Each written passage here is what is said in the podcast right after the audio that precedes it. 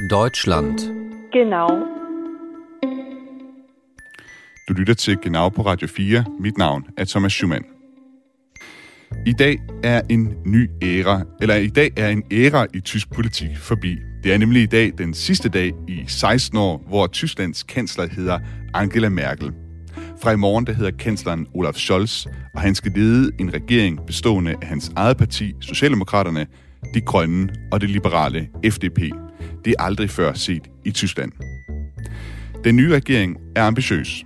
Om blot 8 år skal det sidste tyske kulkraftværk lukkes og slukkes, faxmaskinerne på kontorerne hos det offentlige skal smides i skraldespanden, og internettet skal accelereres, cannabis skal legaliseres, flere indvandrere skal integreres, og den europæiske union føderaliseres. Overskriften for den nye regering er, vi tør mere fremskridt. Men tør tyskerne virkelig mere fremskridt? Og med tre regeringspartier og et hav af udfordringer, kan Olaf Scholz så overleve som kansler de næste fire år? Som altid her på Genau, så har I mulighed for at sende øh, sms'er ind under udsendelsen. Hvis I nu har et uh, spørgsmål undervejs til udsendelsen, så kan I sende det ind på øh, 1424. Start jeres besked med R4, et mellemrum, og så jeres spørgsmål. Og jeg har faktisk også et spørgsmål til, til jer lytter derude. Hvad synes I er det mest interessante ved den her nye tyske regering? Det, øh, hvis I har et bud på det, så send det gerne ind til mig, som sagt, ind på, er, ind på øh, 1424 øh, er nummeret. Start beskeden med R4, et mellemrum, og så jeres besked. Nu skal vi præsentere mine to gæster i dagens udsendelse. Und nun zur klimafreundlichen Wahlkampfanalyse von Sonne und Wind.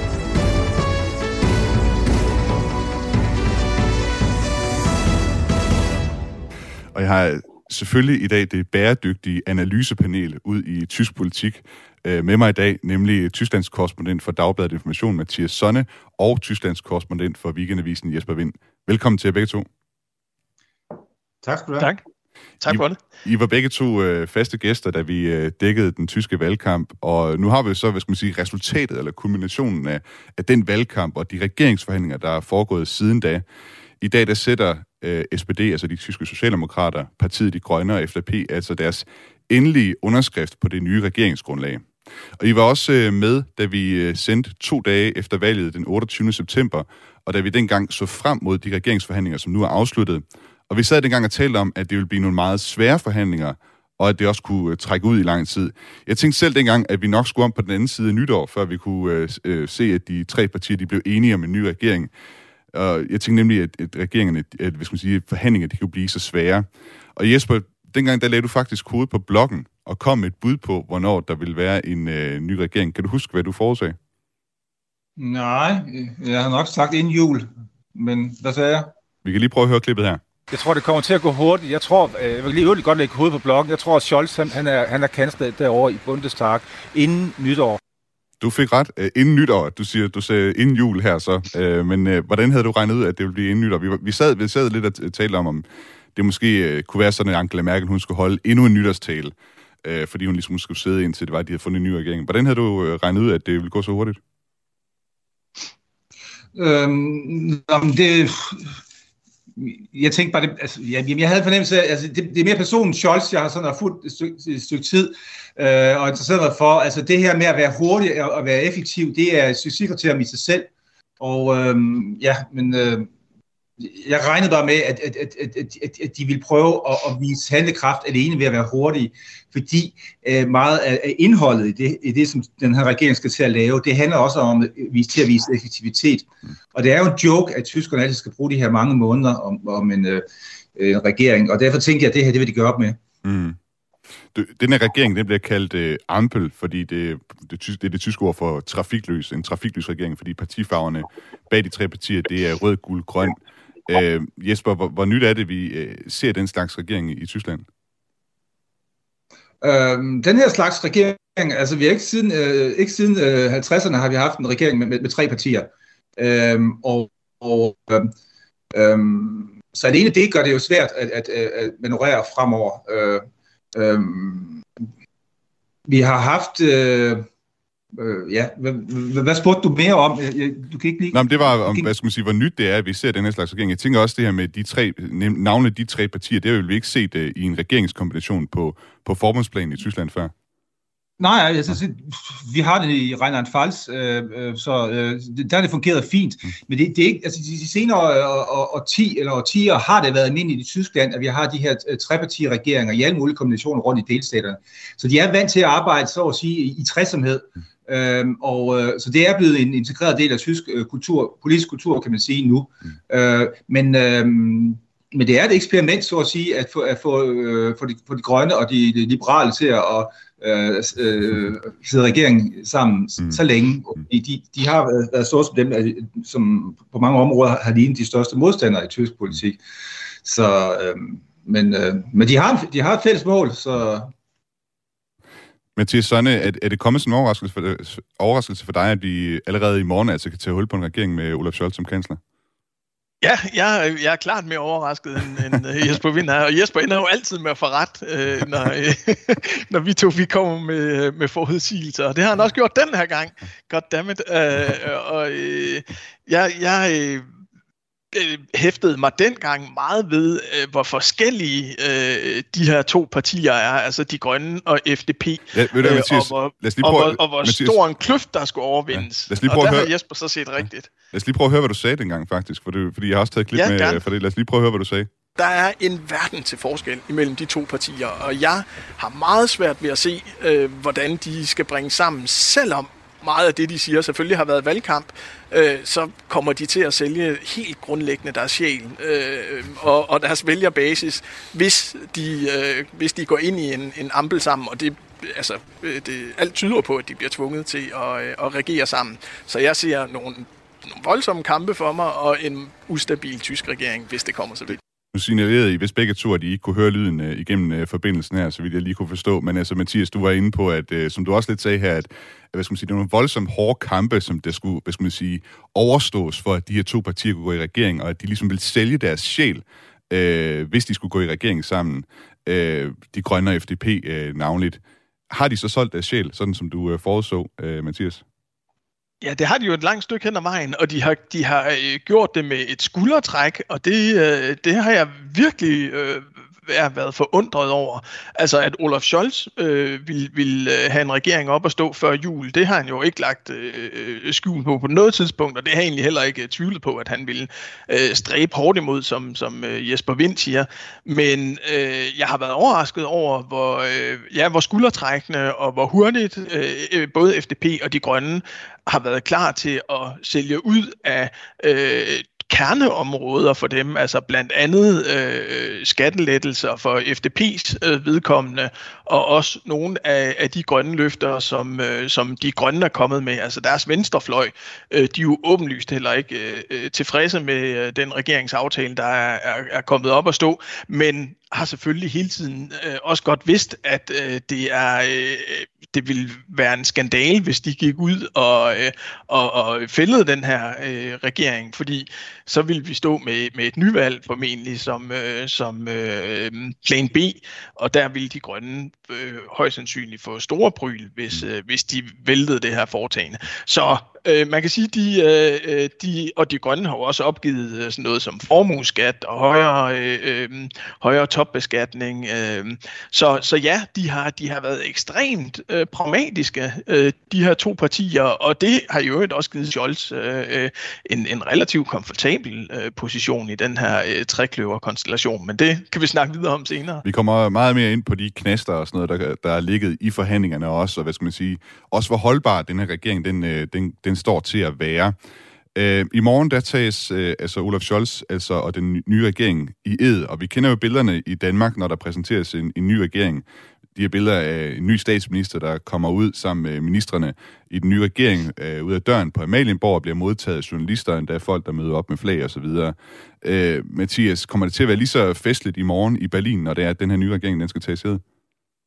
Nej, det, det er jo en mere formel procedure, fordi nu ved vi, at, øh, at regeringsgrundlaget er, er klappet af af alle tre partier, og så skal vi så igennem det her øh, kanslervalg i forbundsdagen, øh, fordi det er jo ikke, øh, vi har jo ikke en dronning hernede, som, øh, som skal velsigne det, men vi har en forbundsdag, øh, som, øh, som skal vælge kansleren, og så skal forbundspræsidenten så godkende øh, det valg.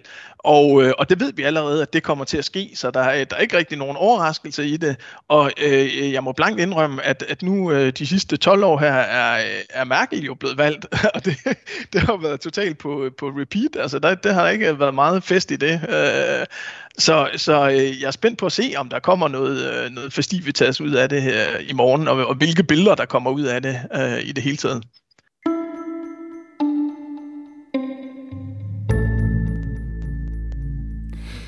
Overskriften for den nye tyske regering, den lyder som sagt i regeringsgrundlaget mere Zukunftwagen, altså løst oversat til dansk, vi tør mere fremskridt. Og et af de helt store temaer, det er klimaet. Kulkraften, den skal ideelt set være udfaset allerede i 2030, altså otte år tidligere end den afgående regering havde planlagt. For at opnå det mål, så skal der udbygges kraftigt i den bæredygtige energi, 2% af Tysklands areal. Det skal simpelthen dækkes med vindkraft. Der skal være langt flere solpaneler på tagene rundt om i øh, Tyskland. Og i 2030, der regner man altså at, med, at 80% af Tysklands strøm, den skal komme fra bæredygtige energikilder. Sidste år, der kom cirka halvdelen af tyskernes strøm fra bæredygtige kilder. Al ny lovgivning skal desuden gennem et klimatjek i de respektive ministerier, før det sendes til afstemning, og tanken den er, at et hvert ton CO2, der udledes som følge af en ny lov, skal kompenseres andet sted. Altså 80% øh, grøn strøm, 0% øh, strøm fra kulkraft i 2030. Jesper Vind, øh, det er nogle ambitiøse mål. Hvad, hvad står der i vejen for de mål? Øh, der står rigtig meget i vejen, altså, og, og det, det er rigtigt at sige, det er ambitiøse mål. Vi kan også tage et andet ord i, i brug her, tænker jeg, øh, nemlig ordet øh, revolution. Øh, der er lagt op til en revolution, og øh, på mange måder øh, øh kan vi se Scholz og, og, og hans regering som mulige revolutionære. Scholz, han er i hvert fald en, hvad kan man sige, en social, øh, øh, samfundsmæssig, ingeniørmæssig revolutionær. Øh, det, der står i vejen, øh, øh, det, det er rigtig mange ting, og det er blandt andet det, at Tyskland ikke er en enhedsstat, eller, hvad kan man sige, sådan en, en centralstat, hvor, hvor alt, øh, hvad der besluttes i Berlin, det ligesom bliver gennemført rundt i Tyskland. Der er delstater og lænder og kommuner og kredser og alt muligt, øh, og mange af, altså, øh, øh, øh, Tyskland er meget decentraliseret, og mange steder vil de have deres egen mening om, om de ting, der nu kommer fra Berlin.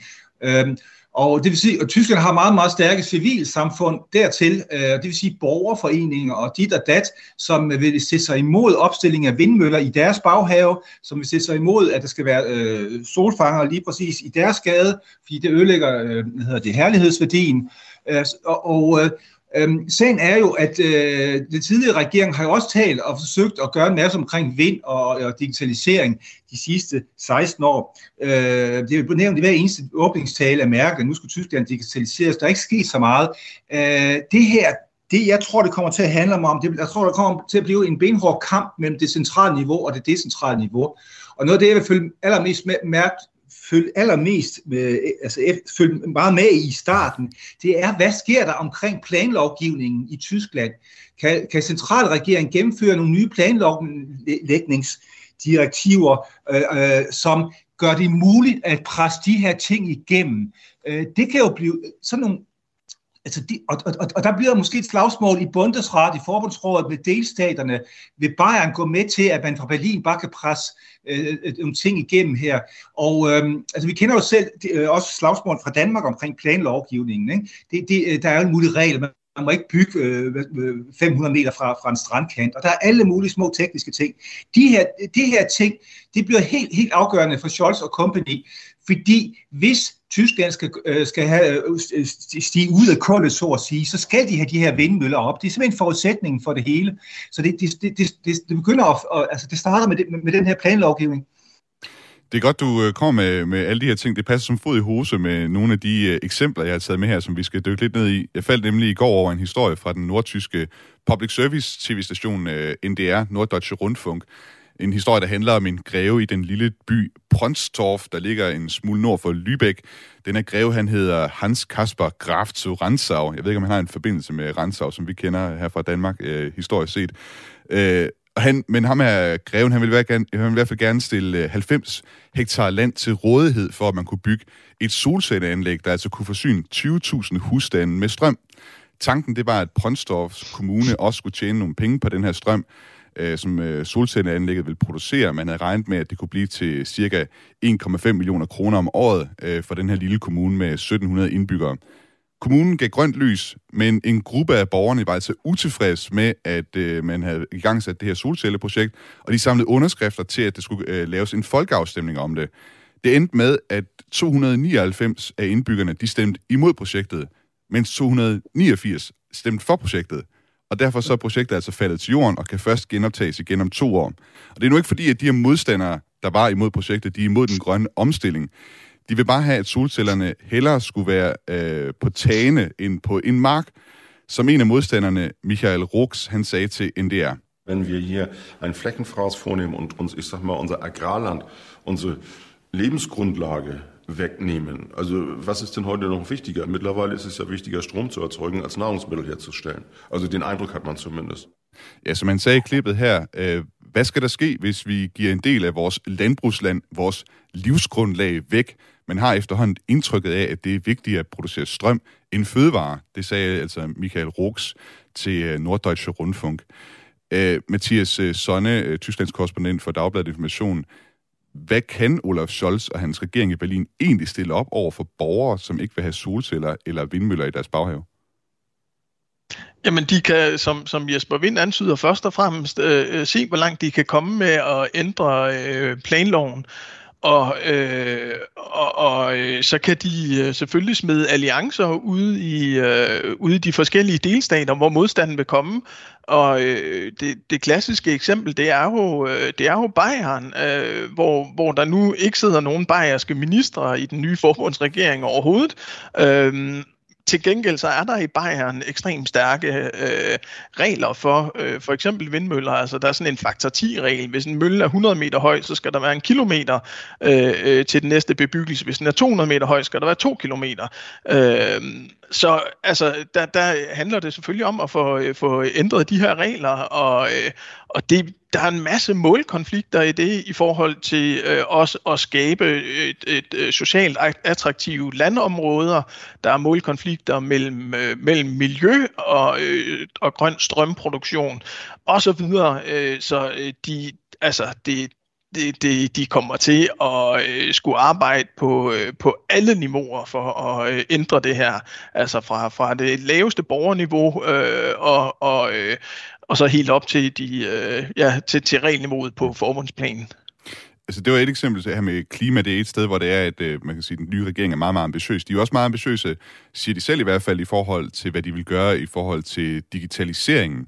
Altså, at de vil sørge for, at, at, at Tyskland bliver et mere digitalt øh, land. Og her igen, der kommer noget af det, som du øh, talte om, øh, Jesper Vind, øh, igen, hvad skal man sige, ind som en, som en udfordring, netop sagsbehandlingstiden, når det er, at man skal have give byggetilladelser. Ligesom med, med, med vindmøller og solceller, den tid, det tager simpelthen at få godkendt et, øh, et byggeriprojekt, det er også et problem, som opstår med andre projekter, for eksempel øh, digitaliseringen her. Øh, jeg har talt med, øh, for noget tid siden med direktøren for brancheforeningen øh, Bitkom, en øh, forening, der repræsenterer de store øh, tyske IT-virksomheder. Han hedder Bernhard Rohleder, og han øh, kom med et eksempel på, hvor det er, at øh, Tyskland igen, også i forhold til digitaliseringen, kan løbe ind i nogle af de samme problemer, som vi øh, lidt var inde på her. Lad os lige prøve at høre, hvad han øh, sagde her. Es gibt in Deutschland, es wird ja immer ähm, bemerkt, dass wir viele Funklöcher hätten. Es gibt auch immer noch zu viele, aber schon sehr viel weniger als noch vor zwei Jahren. Aber Jedes dieser Funklöcher hat eine eigene Geschichte. Es gibt in Deutschland 1500 Verfahren für den Bau von Mobilfunkmasten, die überfällig sind und von den Ämtern nicht beschieden werden. 1500. Han siger altså, at i Tyskland er der stadig mange steder med dårlig mobildækning, fordi der ikke er bygget øh, tilstrækkelige mobilmaster. Og lige nu der er der 1500 ansøgninger om byggetilladelse til at bygge en mobilmast, som er forsinket i mere end to år. Pengene de er der, men den offentlige forvaltning, de halter simpelthen bagefter. I det værste tilfælde, der er en byggetilladelse altså forsinket med ni år. I regeringsgrundlaget, der, vil, øh, der står der, at man vil halvere sagsbehandlingstiden ved den her slags øh, byggetilladelser. Men ifølge Bernhard Rohleder, så kan, der, kan det her igen være et tilfælde, hvor regeringen i Berlin måske ikke kan stille forfærdeligt meget op. Die Frage, die wir uns stellen, ist vor allem die, ob es der Bundesregierung überhaupt gelingt, diese vielen guten Vorhaben und Vorsätze, die sie hat, auch in die Tat umzusetzen. Weil auch hier wieder gilt, de meisten Verwaltungsverfahren. Ja, Bernhard Rohleder, han siger altså her, vi stiller os selv spørgsmålet, om regeringen overhovedet kan omsætte deres gode intentioner til virkelighed. For det er ikke forbundsregeringen, der står for sagsbehandlingen, men derimod delstaterne og kommunerne. Regeringen kan appellere, men ikke rigtig omsætte noget selv. Jesper Vind, øh, Tysklands korrespondent for Weekendavisen. Mange tyske regeringer, som vi også lidt var inde på før, de har ønsket, at Tyskland for alvor skulle digitaliseres, for alvor ligesom komme op på niveau som, som andre... Øh, altså, de, der, jeg taler med mange, for eksempel Bernard Rohle, der her, som siger, at Danmark er et, er et forgangsland i forhold til Tyskland. Ja. De vil gerne op på samme niveau som, som Danmark. Men alligevel så er Tyskland ligesom sakket agterud. Hvorfor skulle noget ændre sig nu? Det er et godt spørgsmål. Det, det kan der også være mange gode grunde til, at der ikke sker. Øhm, altså, vi, vi har hørt fra, fra flere politikere, de faktisk orienterer sig lidt mod, hvad der er sket i Danmark omkring digitalisering. Og, og hvad er det, der er sket i Danmark? Altså, øh, øh, øh digitalisering er jo kommet virkelig både fra toppen og fra bunden. Altså bare prøv at tænke på sådan noget som kommunalreformerne i, i nullerne, ikke? som øh, centraliserede og øh, effektiviserede hele den kommunale forvaltning på, på alle mulige niveauer. Alle øh, medarbejdere bliver udsendt på digitaliseringskurser. Det går jo så hurtigt i dag, hvis du skal et eller andet på det offentlige, du udfylder et eller andet elektronisk bing-bong, og, og, og det er online osv. Der er tyske kommuner overhovedet ikke. Det er jo papir og papir og papir hele vejen, og nogle gange endda med faxmaskiner. Øhm, det vil sige, Tyskland har jo brug for, dybest set, for at det her skal kunne altså gøre, en, en, en kommunal reform, en, øh, en, øh, en strukturreform. Og altså, fordi, det, fordi et af de store hurdlers, det er ikke bare, øh, øh, hvad kan man sige, øh, politiske modstandere, det er simpelthen kommunal ansatte, og kommunale forvaltninger, som lever i et helt andet århundrede, havde jeg nær sagt. Øh, og, øh, og der er også nogle stærke kommunale fagforeninger, som ikke ønsker at, at, at, at store forandringer her, fordi hvad sker der så med deres arbejdspladser? Øh, de, øh, jeg ved ikke, hvordan det, skal, hvordan det her det skal lykkes, men, men altså Scholz har en plan for det, og, og øh, lad os se, hvad der sker, øh, øh, men det bliver en, øh, hvad kan man sige, en, øh, en Hercules opgave. Du har mere erfaring med den kommunale forvaltning, Mathias.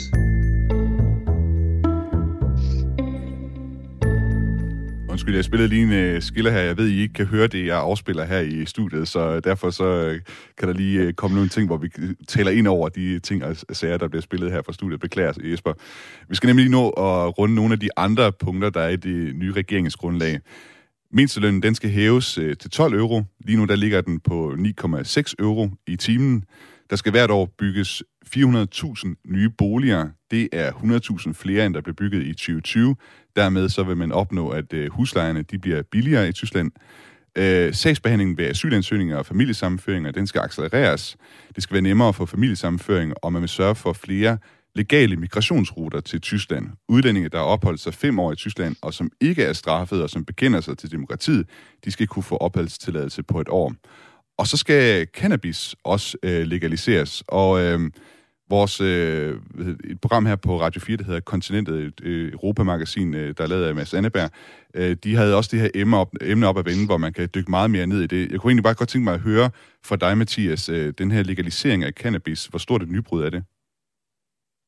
Jamen, det er da selvfølgelig et, et, øh, man sige sådan, et øh, liberalt nybrud i, øh, i Tyskland, som øh, ellers i mange år har defineret sig som rimelig øh, konservativt, og øh, Tyskland har jo på mange måder, som man kan læse om i den aktuelle weekendavis i øvrigt, øh, øh, jo kigget mod, mod Danmark, mod et mere liberalt samfund som Danmark, og mod et land som Holland, øh, har man jo øh, sukket efter at være lidt mere som, som de her... Øh, øh, mere progressive øh, lande. Og øh, der, er det jo, der er det jo ret vildt, at den største nation i, i Europa pludselig, øh, pludselig øh, går den her vej, og, øh, og også laver et eksperiment. Det der, det der er ingen tvivl om. Øh, man har kigget utrolig meget på øh, i tyske medier, hvad der er sket i Holland, og at det her jo faktisk ikke har, øh, har øh, lammet den bandekriminalitet og alle de strukturer, som der er omkring Øh, øh, øh, cannabis og, øh, og hashhandlen. Så det, øh, det, altså, det er et spændende eksperiment. Øh, jeg, jeg er meget spændt på, hvor det, øh, hvor det bærer hen.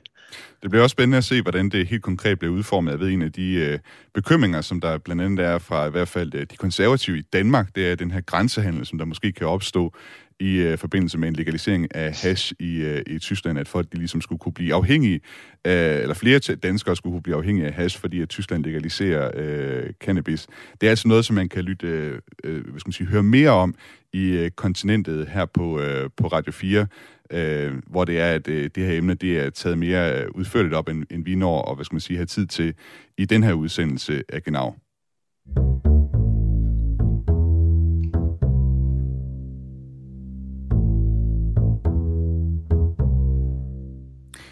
I dag sætter tre tyske partier deres underskrift på regeringsgrundlaget til en ny regering, der skal tage over efter 16 år med Angela Merkel ved roret.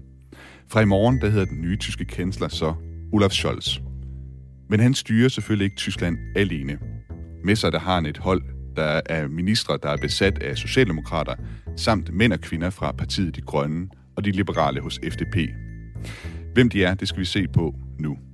Du lytter til Genau på Radio 4. Mit navn er Thomas Schumann. Men øh, før vi kigger på de ministre, som er udnævnt, så øh, har folk derude, øh, der lytter til programmet, de har sendt en masse sms'er ind, som jeg tænker lige, vi skal tage med, med mine to gæster i dag. Jesper Vind, Tysklands korrespondent for Weekendavisen, og Mathias Sonne, Tysklands korrespondent for Dagbladet Information. Vi har en øh, sms her fra Helle, der skriver, øh, Hej genau, interessant og givet klima-miljø. Vigtigt, at de grønne i Tyskland nu har fået mere magtindflydelse. Her er et vigtigt spørgsmål vil de grønne gå med til diktatur igen i Tyskland. Med corona, tvangsvaccinering plus test af befolkningen, med bødestraf plus fængsel som i Østrig, til de, der ikke ønsker vaccinering. Med venlig hilsen Helle, skriver han her. Øh, Mathias, øh, er det ikke noget med, at, øh, at man har åbnet lidt op for det her med tvangsvaccinering i, i Tyskland som en mulighed måske? Jo, altså nu tvangsvaccinering måske så meget sagt, det er jo ikke, øh, det er jo ikke som man vil fange borgerne og, og øh, stikke dem, men vaccinepligt, vaccinepligt som det hedder. Det rigtigt, ja. og, og, og i forhold til Helles øh, udmærket spørgsmål, så, øh, så svaret ja, at det vil de grønne øh, altså godt være med til en vaccinepligt, øh, og øh, det, øh, det har der været øh, stærk intern protest over fra en ret marginal fløj i de grønne. Øh, så, så det der altså øh, det er der rimelig konsensus om, øh, og endnu mere interessant vil FDP også være med til det øh, efterhånden. De har øh, brugt lang tid på at kæmpe med det her spørgsmål om, øh, om vaccinepligt og i øvrigt også om, om øh, lockdowns, øh, fordi de jo om nogen af partiet, der står på, øh, øh på borgerrettigheder og frihedsrettigheder for det enkelte individ. Øh, men nu tenderer selv Christian Lindner, der leder øh, FDP, altså til øh, at sige ja til en, øh, en vaccinepligt. Øh, og som, som Helle antyder i sms'en, så er det helt gode spørgsmål jo, hvordan pokker skal det her sanktioneres? Altså, hvis vi har 10% af, af de tyske borgere, som ikke vil lade sig vaccinere af den ene eller den anden grund, de nu måtte have, øh, skal vi så stanke bøder ud i en uendelighed? Skal vi, skal vi smide dem i fængsel, hvis de ikke betaler dem osv.? Øh, så øh, det er en... Øh, det er jo helt klart det største, øh, den største udfordring lige nu her, som Scholz øh, regering bliver, øh, bliver født med. Jesper Vind, jeg har også lige et uh, spørgsmål fra en lytter her, som jeg tænker, du kan svare på. Det er Claus, der skriver, med legaliseringen af cannabis kan man med god ret øh, mene, at Tyskland har valgt en innovativ, innovativ tilgang til den grønne omstilling. Giver det øget produktivitet, eller medfører det blot bedøvelse af den kritiske og klimabevidste ungdom? De liberale begrænser kapital adgang til klimaomstilling. Jeg ved ikke helt, hvad Claus han mener her. Øh, Sidste sætning hørte jeg ikke. Øh, de liberale... De liberale begrænser kapitaladgang til klima, klimaomstilling. Jeg ved ikke, hvad du får ud af det spørgsmål. Nej, altså det er ikke andet, at øh, jeg, jeg ved heller ikke lige helt, altså det, jeg kan godt forstå, at man kan spekulere, som, som Claus gør, og jeg spekulerer også selv, hvad det her betyder. Altså det er jo, jeg kan sige, hele regeringsprogrammet er jo et festfyrvækkeri af, af, af politik, af ny politik, og, og, og det her det er jo også et eksempel på det. Øhm, Altså, øhm, i, i forvejen kan du jo nemt skaffe hash alle steder i Tyskland, så på den måde er det jo logisk nok, at du får det sat i nogle rammer og, og får det kontrolleret. Det er jo på den måde rimelig tysk måde at se, at gøre tingene på. På den anden side, så ved vi ikke, om, om det, kan, det, kan, det kan skabe sådan en slags, øh, altså om der bliver mere sådan en mere, en, en mere hashet kultur, mm. øh, og, og hashforbruget stiger, som, som Claus antyder. Øh, det er jo nok ikke det, der er tanken bag Olaf Scholz, fra Olaf Scholz side, fordi han, skal, han vil gerne have, at tyskerne skal til at arbejde endnu mere. Øhm, så, øhm, og så er det sidste ting, jeg, jeg tænker på på det her, kan det her skabe en modkultur? Mm. Altså, øh, altså, de her, de kan jo også, de er jo også måske en del af en værdikamp, ikke? Hvor, hvor, hvor, hvor, hvor, hvor meget konservative øh, kræfter kan, kan blive aktiveret i deres øh, kritik af regeringen, ikke? Fordi, nu, fordi det kommer til at stå lidt som sådan øh, øh værdirelativistisk øh, øh, fri hash, Øh, altså, det, det, det, det kan være med til at mobilisere nogle øh, øh, øh, konservative kræfter og, og, og, og i Tyskland, som, som, så, så, så, så, så det er meget uforudsigeligt, hvad, hvad det her det kommer til at øh, føre med. Altså, jeg, jeg er selv spændt på det. Ja, en af de ting, som, som jeg også har set øh, nævnt flere steder, det er i forhold til den grønne omstilling, og i forhold til, at man, man har indgået, øh, man er blevet enige om, at man ikke vil hæve skatterne, og heller ikke stifte mere statsgæld i Tyskland. Så det her med legalisering af cannabis, det også skal være med, med til ligesom at finansiere øh, mange af de her initiativer, som det her ligesom ret øh, ambitiøse regeringsgrundlag, det ligger op til.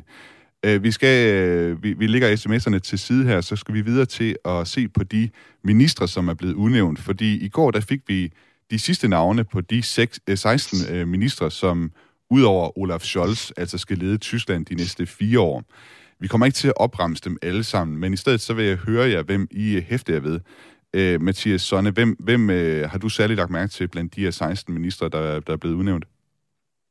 Jamen, jeg har øh, især lagt mærke til Christian Lindner, selvfølgelig fra, øh, fra FDP, som øh, har fået posten som, øh, som finansminister øh, en uhyre vigtig post, fordi øh, øh, i Finansministeriet sidder de med en, en slags vetoret øh, i, i gåseøjne øh, over for, for lovforslag, som, øh, som berører øh, Finansministeriet eller finanserne øh, og, øh, og, og budgetterne. Øh, så, så det er en helt, helt afgørende post, øh, og det er en afgørende post for Europa, hvor der også har været et stort slagsmål om, hvor vi Christian Lindner gå hen i forhold til euroreglerne, i forhold til gældsreglerne i euroen. Øh, så, så Øh, selv i, i øh, Rom og Madrid og så videre, øh, Athen, der har de jo kigget meget tæt på, hvad gør Christian Lindner? Og han tyder nu på, at han har lagt valgkampsretorikken fra sig og kommer til at køre en mere pragmatisk linje. Øh, jeg, jeg har nær sagt, whatever it takes øh, for at redde euroen, for at holde sammen på, øh, på, øh, på det indre marked i EU. Så, øh, så både med tyske og europæiske briller, der bliver Christian Lindner en helt, helt øh, central figur. Og det er der jo mange grønne jo, der også begræder, at, at de som øh, næststærkeste parti i regeringen afgav den her meget vigtige post. Og det gjorde de så for, øh, ja, for Robert Habeck, som skal være økonomiminister øh, og øh, klimaminister, og, og han vil selvfølgelig være den anden øh, meget, meget vigtige figur, jeg vil pege på. Øh, den her øh, ja, ene stadig grønne leder, som, som øh, øh, som jo ikke taler dansk, øh, men, men øh, som skal stå for det her gigantiske omstillingsprojekt, som vi har været inde på. Og hvis arbejde vi simpelthen, øh, som, som Der Spiegel skriver i den aktuelle udgave, vi kan måle hans arbejde helt konkret i terawatt-timer, øh, som bliver omstillet fra, øh, fra øh, sort energi til grøn energi. Mm. Øh, og så, altså han, han står på øretævernes holdeplads og har lige nu måske det sværeste job i, i europæisk politik. Det var altså to af de sådan, øh, hvad kan man sige, store, vigtige øh, ministerposter her, som du var inde på, Mathias. Jesper, hvem, øh, hvem hæfter du da ellers ved? Jamen, jeg øh, hæfter mig med flere personer, og det, og det kredses her om et tema, nemlig indvandringstemaet. Øh, altså, jeg hæfter mig i den grad også med de, dem, som, som Mathias nævner, men, men, men altså derudover, så det her med indvandringstemaet, migrationstemaet, hvordan kommer det til at, at, at, at køre øh, fremover? Altså hvis du læser øh, regeringsprogrammet, så er der jo lagt op til en øh, massiv øget indvandring. Øh, og, og, og de hele taget, altså tankerne bag det her regeringsprogram, øh, som i øvrigt bygger meget på den bog, øh, Olaf Scholz skrev i 2017, Hoffnungsland, altså, som er så at sige hans visionsbog. Øh, altså, man taler jo om flere hundrede tusind ekstra øh, indvandrere om året. Og, øhm, men men tanken er jo, at der skal åbnes op, men der skal også strammes i forhold til, til hjemsendelser øh, af, af asylansøgere, som ikke har lovligt grundlag. Der, der er en masse byråkratiske procedurer, der foreslås omkring integration og, og i forhold til indvandring. Og der tænker jeg, at det bliver helt, helt afgørende, hvordan det her bliver administreret. Mm. Og, øh, og der tænker jeg på, hvem er det, der kommer til at sidde i de ministerier, hvor det her... Øh, fordi der er rigtig meget øh, retorik omkring indvandringsspørgsmål, men, men hvordan kommer det til at fungere i virkeligheden? Og det er jo administrationen, og det er jo især øh, indrigsministeren, øh, og, øh, og måske justitsministeren, øh, som, som bliver afgørende der. Og, øh, og, og der tænker jeg i hvert fald, det er tankevækkende, at der ikke er nogen af de poster, der er lagt i hænderne på, øh, på de grønne. Øh, men derimod, øh, altså justitsministeren, det er øh, en, som jeg har glemt, hvad hedder, men hun er, hun er fra Liberale, og, og indrigsministeren, det er, øh, hun er socialdemokrat. Øh, jeg, jeg kan lige sige, hvad de øh, hedder. Det er justitsministeren, det er Marco Buschmann fra FDP, som, øh, som ja. står til at blive øh, justitsminister, og indrigsminister, det er Nancy Faeser fra Socialdemokraterne. Ja, hende Nancy Faeser, hun er fra Hessen og, og er kendt for, og, altså, altså hun har arbejdet med indrigspolitik der i, i stilstaten Hessen, og hendes, en af hendes mærkesager, det er, at hun virkelig vil, vil bekæmpe de højre radikale. Det siger hun, det bliver et af hendes vigtigste emner. Ikke? Øh, men hun kommer også til at stå for hele administrationen af indvandringen og hjemmesendelser og øh, asylcentre og alle de her ting her. Øh, øh, men altså, øh, en ting er, altså, der er altså så meget, så meget retorik omkring det her tema her, men hvordan det kommer til at fungere i praksis, det er jeg spændt på at se, og det, det bliver meget de her to ministre her. Mm. De, de fleste af de her ministerposter, som ligesom er blevet... Øh altså blevet tildelt, øh, de er sådan forholdsvis øh, lige til. Vi har en øh, forsvarsminister, en indrigsminister, en trafikminister osv. Men jeg synes sådan, øh, det, er, det er altid sjovt at sådan sidde og kigge på nogle af, nogle af de her ministerposter, og så, så prøve at oversætte dem til dansk. Der er nogle af dem, der stikker lidt af. Øh, vi har for eksempel en, der lyder noget spøjs, når man oversætter dem til dansk.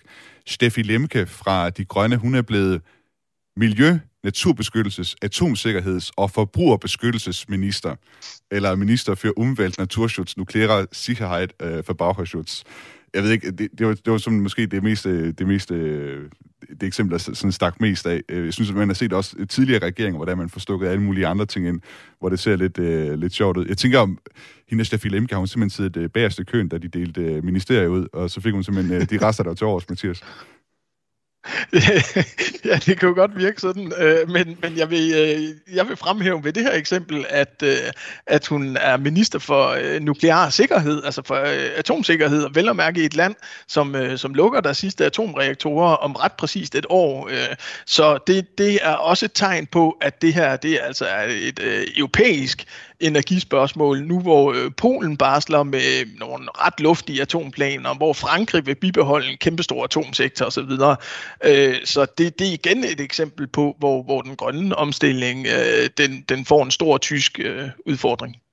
Vi har lige en, en, en sidste ting mere med de her øh, ministre, øh, hvad skal man sige, selve udnævnelsen af dem og sådan noget, som vi lige skal omkring, fordi en ting, som, som der blev talt meget om i, i, i går, Olaf Scholz var selv ud og sådan, øh, slog meget på tromme for, at man nu altså har fået en ligestilling mellem kønnene øh, på ministerposterne. Man siger, at der er 16 ministre, 8 mænd og 8 kvinder.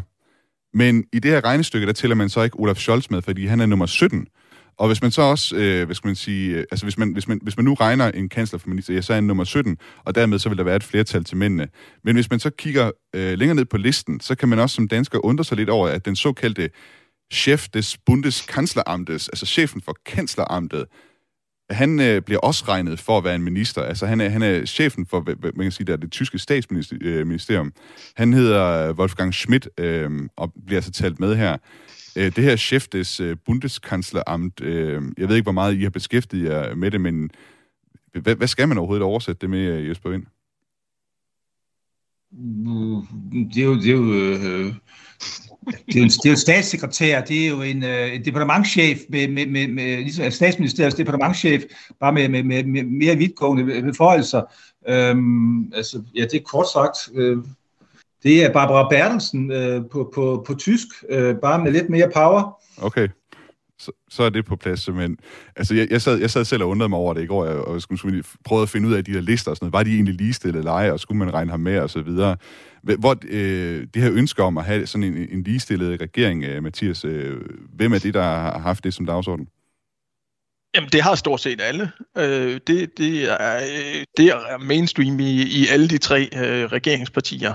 Øh, og jeg, jeg synes, at man må rose Olaf Scholz for, at, øh, at han har opfyldt det. Om det så er 8 ud af 16 eller 8 ud af 17, hvis man tager kansleren med. Men, øh, men det der, det der er klart en, øh, et, et fremskridt i forhold til, hvad vi har set i, i mange, mange år i Tyskland, hvor Angela Merkel ligesom, øh, som person har været undskyldningen for øh, ikke at have, øh, have større paritet eller større lighed øh, øh, i udvælgelsen mellem mænd og kvinder.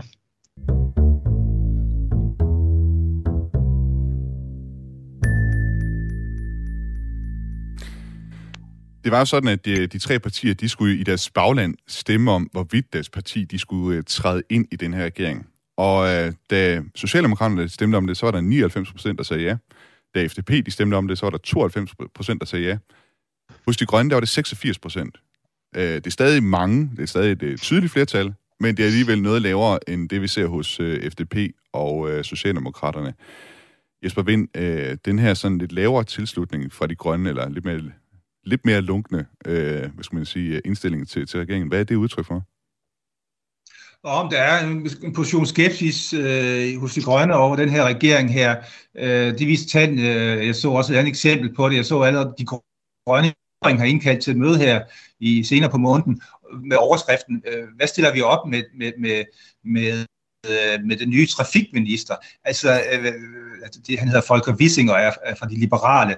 Altså, de grønne er især meget bedre over, at, øh, at de liberale har fået trafikministerposten. Og jeg synes lige, det er bemærkelsesværdigt, at de allerede indkaldt til et møde, debatmøde om, hvad, hvad, hvad man stiller op med den her, grøn, med den her liberale øh, trafikminister. Altså, de, de, har ikke, de har ikke store forventninger til, at det bliver et særligt grøn trafikpolitik, øh, øh, der bliver ført, fordi han, han går jo ind for, for, for fri fart til frie borgere og øh, dieselbiler osv. Så, videre. så der er stor skepsis om, omkring, det, omkring det emne der. De grønne har svært ved at leve med, at de ligesom ikke øh, kan bestemme det hele, øh, men de har altså trods alt kun fået øh, 14,8 procent af stemmerne. Øh, men altså, Ja, men det, jeg vil stadig sige, at over 80 procents tilslutning er, er ret stort. Jeg vil gætte på det. Det var samme øh, tal, der var til stede, da, da, da man gik ind i den øh, koalition i, i 1998 med, med, med Gerhard Schröder. Altså, jeg synes også, det er et overraskende øh, stor øh, opbakning, når man tager i betragtning, hvor, hvor øh, idealistisk et parti de grønne er. Det er jo, øh, det er jo, de, de har jo altid været bange for at, øh, at have magt, øh, og for at, at, øh, bruge magten, for øh, i hvert fald for eksplicit, øh, fordi det er et parti, som, øh, som jo har nogle nærmest revolutionære øh, forestillinger om, hvordan verden øh, burde og kunne være. Og der sidder øh, Harbeck og Baerbock selvfølgelig som, som to pragmatikere i det her parti, øh, som ligesom har formået at indbinde øh, den, den mere øh, fundamentale grønne fløj øh, i, i et pragmatisk projekt. Altså, det har været sindssygt svært, og det er de jo faktisk kommet i land med nu. Jeg ved, jeg ved en af de ting, som der særligt var sådan øh, lidt krise om i forhold til udnævnelsen af ministre, det var øh, netop den her hensyn, som man skal tage de to fløje, der er partiet hensyn, hensynet til partiets, altså de grønnes øh, venstrefløj, og så den her såkaldte realofløj, eller de realos, altså de mere realpolitiske øh, dele eller kræfter i partiet, som Annalena Baerbock og Robert Harbeck, de repræsenterer. Og det øh, kom særligt til udtryk, da man skulle finde ud af, hvad der skulle ske med Anton Hofreiter, som øh, har været øh, i lang tid været gruppeformand i Forbundsdagen, og en af dem, der virkelig repræsenterer øh, venstrefløjen i, øh, i, i de grønne.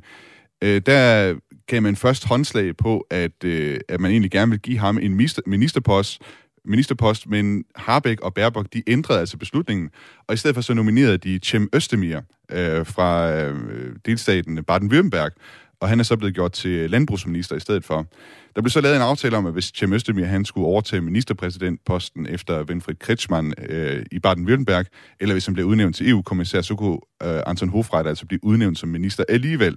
Men øh, hos de grønne, ifølge en artikel på øh, Der Spiegel, der taler man altså om, at der har været en brutal fremgangsmåde fra Baerbox og Harbecks side øh, i behandlingen af Anton Hofreiter. Øh, Jesper Vind, den her venstrefløj i øh, de grønne, hvor meget ballade kan de forårsage, og, og kan det være med til, ligesom at, at den her regering den bliver mere ustabil?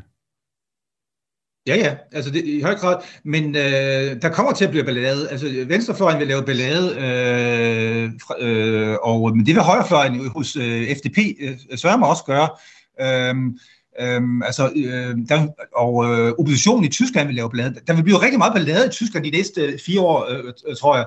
Øh, men spørgsmålet er selvfølgelig, hvad, øhm, øh, hvordan øh, Scholz, og det ved Scholz godt, øh, spørgsmålet er, hvordan han manøvrerer, og, og, og hvordan, øh, Scholz kan, kan holde sammen på, på sin øh, trojka med, med, med, med Lindner og, og Baerbock, øh, Harbeck.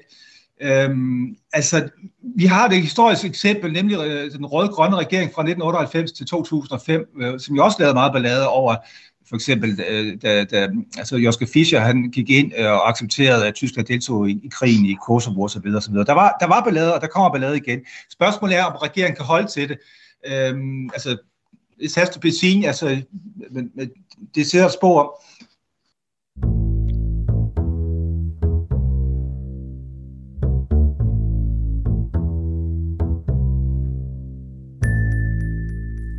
Du lytter til Genau på Radio 4. Øh, mit navn er Thomas Schumann, og med mig i øh, dagens øh, udgave af Genau, hvor vi kigger på den nye tyske regering, der har jeg Tysklands korrespondent for henholdsvis Weekendvisen og Øh, Dagbladet Information, uh, Jesper Vind og Mathias Sonne. Da vi øh, på Genau var øh, nede for at dække valgkampen og sendt live lige uden for Rigsdagsbygningen den 28. september, der havde vi jo også øh, jer to med, og undervejs, der kom snakken også ind på den danske forbindelse, øh, som der er i øh, den, øh, den tyske regering, eller hvor stor en dansk forbindelse, man kan sige, der er i den tyske regering. Og Jesper Vind, jeg tror, det var dig, der havde nogle pointer alle, om det allerede dengang, og det har jo vist sig, at der er en del øh, tysk-danske forbindelser i den øh, nye regering. Hvor, hvor ser vi det hen? Øhm, på flere måder. Altså grundlæggende vil jeg sige, at det, der er interessant at fremhæve her, det er, at tysk politik traditionelt ikke har haft særlig meget blik mod nord. Et, et, Tyskland er et land, øh, der både politisk og mediemæssigt orienterer sig mod syd og, og, og øst og vest, men ikke mod nord. Og der må man bare sige, at vi, vi får nu en kansler, øh, fra Hamburg og en, og en vicekansler fra Flensborg. Og det bliver altså to personer i toppen af tysk politik, som i hvert fald har et, et blik mod Skandinavien, som har den skandinaviske øh, erfaringsvinkel øh, inde i deres horisont. Og på den måde tror jeg, at Skandinavien og Danmark øh, kommer til at fylde lidt mere. Et godt eksempel øh, er det, øh, fordi øh, rent politisk betyder Skandinavien selvfølgelig ikke så meget for tyskerne. Men, men, men, men et godt eksempel, det er for eksempel, at øh, jeg ved, at øh, hvad hedder det, Scholz er meget inspireret af, af, af, den, af, af, af, altså er gode venner med den, med den nye øh, svenske øh, statsminister Magdalena Andersson. Øh, og jeg hørte lige Magdalena Andersens tiltrædelses, en tale, hun holdt i går i forbindelse med tiltrædelsen op i Stockholm, og, og den minde, det lød, hun talte næsten ligesom Olaf Scholz i Tyskland, talte om respekt og talte om klimaforandring. Det var det samme buzzwords, hun brugte. Altså, de to mennesker, de, de på bølgelængde, og hele Habecks klimadagsorden, som vi snakkede om, hvor svært den kan blive at indføre rent praktisk. Tyskerne er jo meget kritiske over for vores indrigspolitik, men Habeck har jo stærkt blik for, at meget med det her digitalisering og klimaomstilling, det har man allerede gennemført i Danmark, og derfor kigger han også mod, mod, mod, mod Danmark i forhold til, til, til vindenergi og solenergi. Øh, øh, så der kommer noget inspiration der.